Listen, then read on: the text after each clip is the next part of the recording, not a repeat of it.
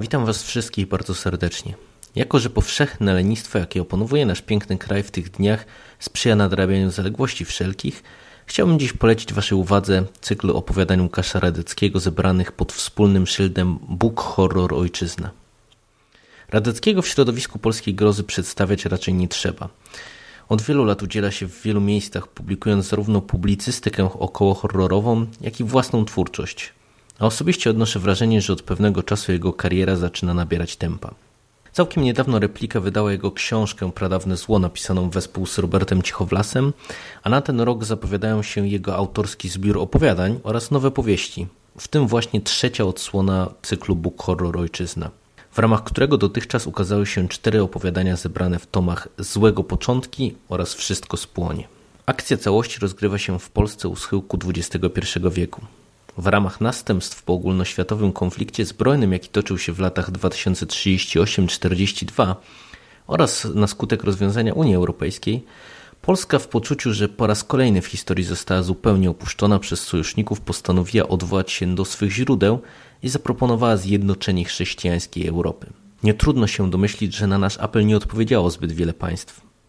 Chęć stworzenia takowej katolickiej Unii wyraziły jedynie Hiszpania i Włochy, co zaskutkowało stworzeniem hermetycznego i ultrakatolickiego tworu ze stolicą w Rzymie.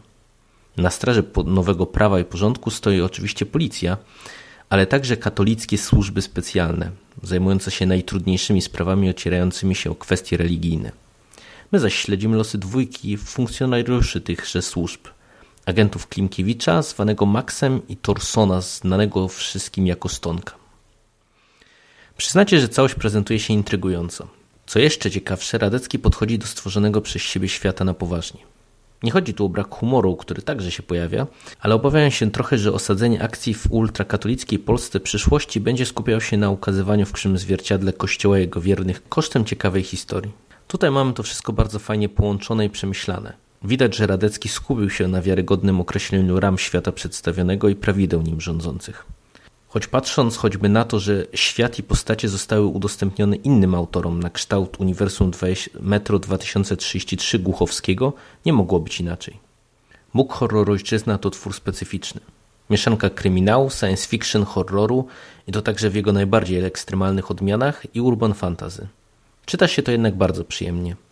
Duża zasługa w tym nie tylko fajnie pomyślanego uniwersum i ciekawych historii, ale także dwójki głównych bohaterów i tego, jak Radecki ich prowadzi.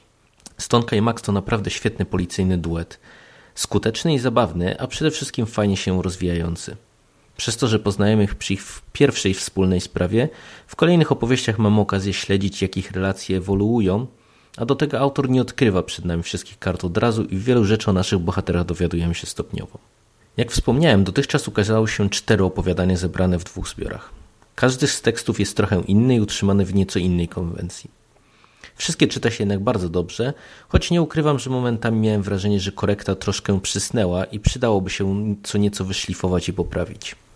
Z drugiej strony oba zbiory dostępne są cały czas za darmo do pobrania w formie e-booka w serwisie wydaje.pl, więc na pewne niedogadności edytorsko-edycyjne można przymknąć oko.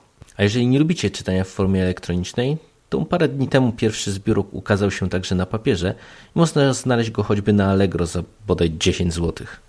Z przyjemnością będę śledził, jak rozwijać się będzie całe uniwersum. Bo w to, że będzie się rozwijać, nie wątpię. Co więcej, ostatni do tej pory tekst, czyli Dzieci Mroku, jest crossoverem z drugim cyklem Radeckiego Wolfenwelt, który w tym roku ma ujrzeć światło dzienne. Jednym słowem polecam. Moim zdaniem warto sięgnąć po tę lekturę, bo to naprawdę solidna i nietypowa literatura rozrywkowa.